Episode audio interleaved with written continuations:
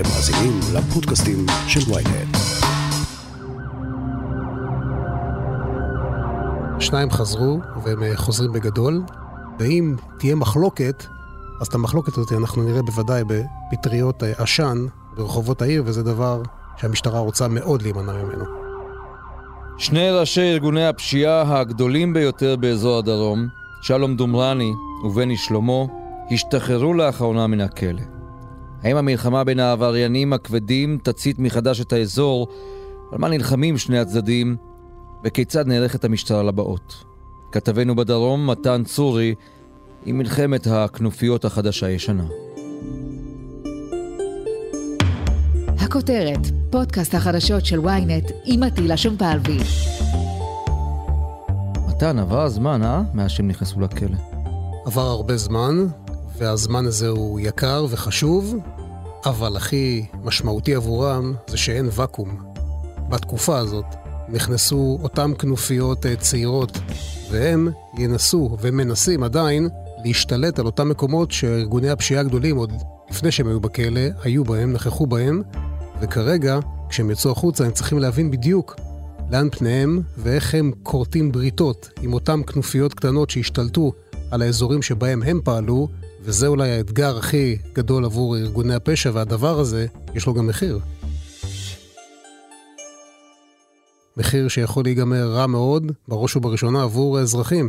אם אנחנו נחזור ולראות בדרום את מלחמות הפשע שמסתיימות בפיצוצים של מכוניות ומטעני חבלה שפזורים בתחנות או כאלה אירועים, זה יכול להיגמר בפציעה של אזרחים.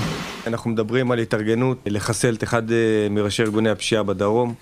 אה, חברי ארגון דומרני התארגנו לרכב תופת, אה, תוך שימוש באמצעים, והיו בדרך להטמין את הרכב ולהכניס לתוכו את אמצעי החבלה. כשראינו שכבר יש פה סכנה. בוא נזכיר, מתן, למי שלא זוכר, מי הם שני האנשים האלה? דומרני, שם מאוד ידוע, בני שלמה, מי הם, מה הם, על מה הם ישבו? בני שלמה שחקן חדש, כוכב עולה, שלום דומרני אה, כבר הרבה מאוד אה, שנים מוכר בתחום, פעם החברים הכי טובים, היום אויבים אה, מרים.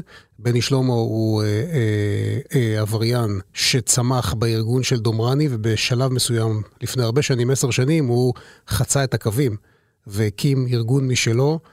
אה, ארגון שפעל פחות או יותר באותם מרחבים שפועל הארגון של אה, שלום דומרני. ולמעשה בין השניים יש כרגע עומד סכסוך משמעותי. שלום דומרני השתחרר מהכלא לפני אה, שבוע וחצי. השתחרר אחרי שש וחצי שנים שהוא ישב בכלא על עבירות של ניסיון רצח. בני שלמה השתחרר מהכלא אחרי 21 חודשי מאסר בסוף חודש יולי, וכרגע השניים שבו לביתיהם המבוצרים, הגדולים, עם השומרים והכלבים מסביב, כל אחד במושב שלו.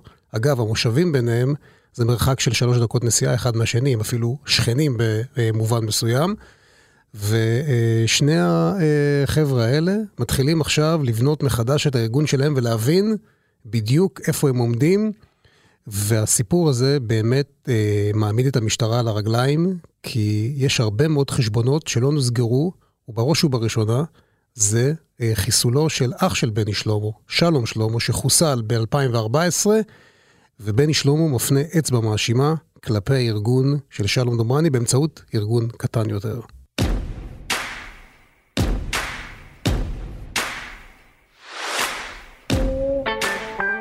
שלום דומרני, הוא היה השם, הוא היה השריף של הדרום במשך לא מעט שנים. הוא לחלוטין היה השריף של הדרום, היה בן אדם ששלט בכל האזור, אנחנו מדברים בעיקר באזור אשקלון ואשדוד, בתחום של אה, השתלטות על עסקים, דמי חסות, השתלטות על קרקעות, על עסקים, גם בתחום של המחזור, תחום ירוק אה, לכאורה, תחום חשוב, ו- ופה באמת אה, כדאי להתייחס לזה שארגוני הפשיעה גם מתעסקים בעניינים ירוקים, שזה בכלל קצת קיצוני. אז uh, הוא באמת פעל באזורים האלה והיה לו איזשהו סכסוך עם ארגון אחר והוא uh, נעצר באמת אחרי עבודה uh, משמעותית שעשתה המשטרה כדי לנסות ולתפוס אותו והוא נתפס, אבל בעיקר המשטרה בשנים האחרונות, לפני שהוא נכנס לכלא, ישבה עליו בעיקר בתחום הכלכלי, כי הבינו ששם אפשר להפיל אותו ושם אפשר למצוא את זה, ואכן גם זה היה. עשרות אירועים חמורים ביותר אה, שהיו אמורים להתרחש בתחומי מרחב לכיש ובתחומי המחוז הדרומי בכלל. הגדרנו לעצמנו מראש שאנחנו רוצים להגיע לראשי הארגון ולא רק להם. לראשי הארגון, גם בארגון המתחרה של בני שלמה כרגע יש כתב אישום מאוד חמור על עבירות כלכליות, שהוא אגב כתב אישום מדהים שבאמת מפרט ומתאר איך ארגוני הפשיעה האלה עובדים ואיך הם בעצם מנהלים את הארגון, וזה כתב אישום באמת אה, מדהים שכל אחד יכול לקרוא אותו, אבל אותם ארגוני פשיעה לוקחים אנשים לכאורה נורמטיביים, מה שהם מכנים בעגה המשטרתית קופים, ושמים אותם בכל מיני נקודות מפתח שמבצעים עבורם עסקאות, שהעסקאות האלה מניבות כסף ובעצם הולכות לראש הארגון. ככה שכל העקבות מטושטשות לחלוטין, ואתה באמת לא יכול אה, להבין שזה הולך לראש ארגון הפשע, כי גם הכל זה במזומן. עד כמה הצבא של דומרני והצבא של חברו, בני שלמה, הצבאות שלהם, עד כמה הם גדולים? אני יכול להעריך שמדובר בעשרות, אבל אה, אה, יש להם את הכוורת, מה שנקרא, הכוורת של האנשים שלהם עם תפקידים מוגדרים. יש את ראש ארגון הפשע, יש את אנשי אמונו, יש אפילו את האנשים שהם מוגדרים אה, שר האוצר, שר המבצעים וכולי, אנשים שבאמת מתעסקים בתחומים מאוד מאוד ספציפי. תראה, זה לא אנשים שאין עם מי לדבר איתם, אוקיי? זה אנשים אינטליגנטים שמבינים אומרת, הארגון שלהם, הוא מתנהל בהרבה מאוד פעמים בעצות של רואי חשבון, יועצי מס, עורכי דין, שום דבר שם לא נעשה ככה בשלוף. הדברים האלה מתנהלים בצורה מאוד מאוד חכמה, ויש להם מבנה היררכי מאוד ברור ומאוד נאמן, אבל כשאחד מהם נכנס לכלא, כאן מתחילה הבעיה, ויש עריקות בין הארגונים, ופה מתחילים הסכסוכים. מה אנחנו יודעים היסטורית על ארגונים כאלה שנמצאים בסכסוך, ראשי ארגונים? בסוף חייבים לסגור את החשבון, והמשמעות היא גופות? יש תמיד את האמירה הזאת של השוטרים הוותיקים, אלה שמתעסקים עם ארגוני הפשיעה, שתמיד אומרים שבאמת אם אה, עבריין אה, חצה את גיל 50, אז הוא באמת, אה, יש לו מזל גדול. ואותם חבר'ה באמת חיים ונושמים את הפשע הזה, והם כל הזמן חושבים רק איך להתעצם. והגיל כאן לא משחק תפקיד. כל מהלך שהם עושים בונה אותם עוד יותר, כל אה, אירוע אלים של ניסיונות חיסול מעצים אותם, בונה אותם וגם מביא להם עוד ועוד חברים לארגון, וככה הם מעצימים את עצמם. תמיד חושבים שהבעיה היא של משטרת ישראל. הבעיה ממש לא של משטרת ישראל, הבעיה של אזרחי ישראל. סגן ניצב בדימוס, יגאל קלימיאן, היית בעברך מפקד ימ"ל לכיש וימ"ל נגב. האם השחרור של שני הג'נטלמנים האלה בעצם ישיב את המלחמה בדרום? מלחמות בין ארגוני פשיעה אף פעם לא נגמרים. זה שמנדל והוא, כזה או אחר, נכנס לכלא ויוצא, זה נכון שזה מרגיע את המצב בתקופה מסוימת, אבל מתחת לפני הקרקע לכל אחד יש את האנשים שלו שפועלים בחוץ, לכל אחד יש את האינטרסים שלו, יש לו את הכוחות שלו, יש לו את הנאמנויות שלו עם ארגונים אחרים, ככה שהפשיעה לא נעלמת ברגע שראש ארגון פשע כזה או אחר נכנס לכלא. אני מניח שבתקופה הקרובה האירועים האלה יתגברו וה... ואנחנו נשמע יותר על פגיעות כאלה ואחרות מצד אה, גורם כזה או אחר. אבל uh, הפשיעה לא נעלמת כמו שאנשים חושבים ברגע שעבריין כזה נכנס לכלא. ואחרי כל השנים האלה בכלא, האנשים האלה עדיין מוכנים לחזור לחיי הפשע? תראה, אני טיפלתי בארגוני פשיעה רק 30 שנה. מניסיוני המועט אני יכול להגיד לך שאי אפשר להיפרד ביום אחד מהפשע. זה לא עובד בצורה כזאת. יש מחויבויות. ברגע שראש ארגון פשיעה, בעיקר, יוצא מהכלא, יש לו מחויבויות, יש לו אנשים שפעלו בשבילו, שארגנו בשבילו את הכספים, דאגו ששלטון לא יישמר, דאגו לאינטרסים שלו. הוא לא יכול ביום אחד אה, להחליט, אני יוצא לעולם הזה. זה לא עובד ככה. החיים האלה חזקים ועוצמתיים, בכדי שבן אדם ביום אחד יקום ויגיד, אני חותך מהעולם הזה. גם אם הוא יעזוב את הארץ, עדיין יש לו מחויבות כלפי האנשים שלו. עדיין הוא צריך לתת להם גב, עדיין הוא צריך להיות קשור לסכסוכים שלהם. מעבר לזה, הוא צריך לשקם את עצמו כלכלית. אני לא מכיר עבריין שמחר בבוקר קם והלך לפקולטה. אני מכיר עבריינים שחזרו מהר מאוד למעגל הפשיעה לצערי. איך ראש ארגון פשע שיוצא מהכלא מתחיל לשקם את האימפריה? קודם כל זה תהליך, זה לא ביום אחד. אה, דבר ראשון, זה לפני שהוא עוד יוצא מהכלא, הוא קושר את עצמו חזרה לארגונים שהוא היה בקשר איתם ומחזק את הבריתות שלו. זה לא שהוא יצא מהכלא והוא מתחיל לעבוד. העבודה על שיקום הארגון שלו נמצאת הרבה הרבה לפני שהוא יוצא מהכלא. הפשיעה לא נגמרה כאשר ראש ארגון פשיעה נמצא בכלא, היא ממשיכה גם משם לצערי הרב, והדברים הראשונים, אתה שואל אותי מה הוא עושה, הוא קודם כל בודק את פני השטח. הרי האנשים האלה הם סכסוכים לא מעטים וחוששים לחייהם. אז דבר ראשון שהוא עושה, הוא בודק את הנאמנויות. מי נאמן לו ומי לא, עם מי כדאי לו להסתובב ומי לא, הוא יוצר את ההגנה סביבו, והדבר השני, שהוא מתחיל, הוא אמור להתחיל לייצר כסף. בעולם הפשיעה אתה לא יכול להיות ראש ארגון פשע בלי כסף, אתה צריך לייצר כסף. מה המודל העסקי בעצם של ארגון פשע כזה? מאיפה מכניסים כסף? מה שאני ראיתי, שארגוני הפשע חיים מניצול הזדמנויות. אז כל ה... שהמשטרה אומרת שארגון פשע כזה עוסק את הרווח שלו ממחזור, השני מסמים והשלישי מדמי חסות. הניסיון שלי מלמד הפוך. הניסיון שלי מלמד שארגוני הפשע חיים מניצול הזדמנויות. זה אומר שאם מחר ראש הארגון, יהיה לו בוררות שמכניסה כסף, אז הוא יעשה את הבוררות הזאת. ואם יפנה אליו X לסחוט את Y, והוא יחשוב שהוא יכול לקחת שם הרבה כסף, אז הוא יסחוט את Y. ככה זה עובד. זה לא מדע מדויק, ואין פה חלוקה בין ארגונים, ואין פה קשקושים.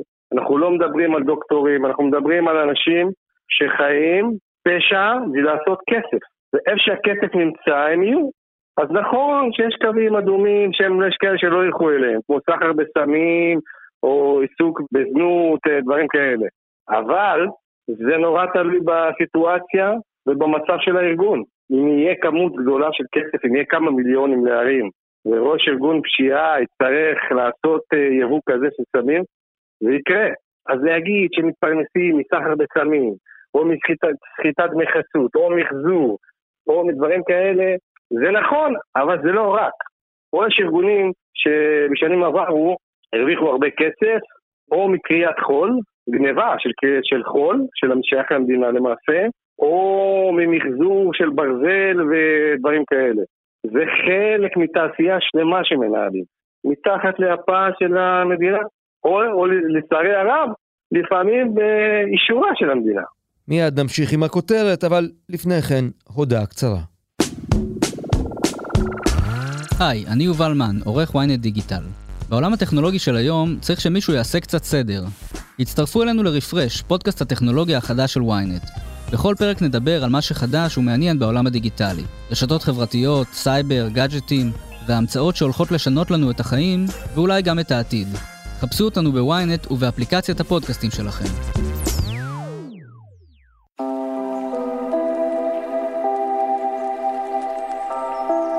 אתה יודע, המשטרה לפני כך וכך שנים, בערך עשור, החלה ללכת על הכיס של ארגוני הפשע, והיא אכן הצליחה לפגוע בלא מעט מהם. השמות הגדולים בפשע הישראלי הורדו, חלקם ישבו ויושבים בכלא. מה היא מתכוונת לעשות עכשיו המשטרה בדרום? השניים חזרו, והם אה, חוזרים בגדול, והמטרה הראשונה שלהם היא קודם כל לבנות עצמם כלכלית, והמשטרה יודעת שה...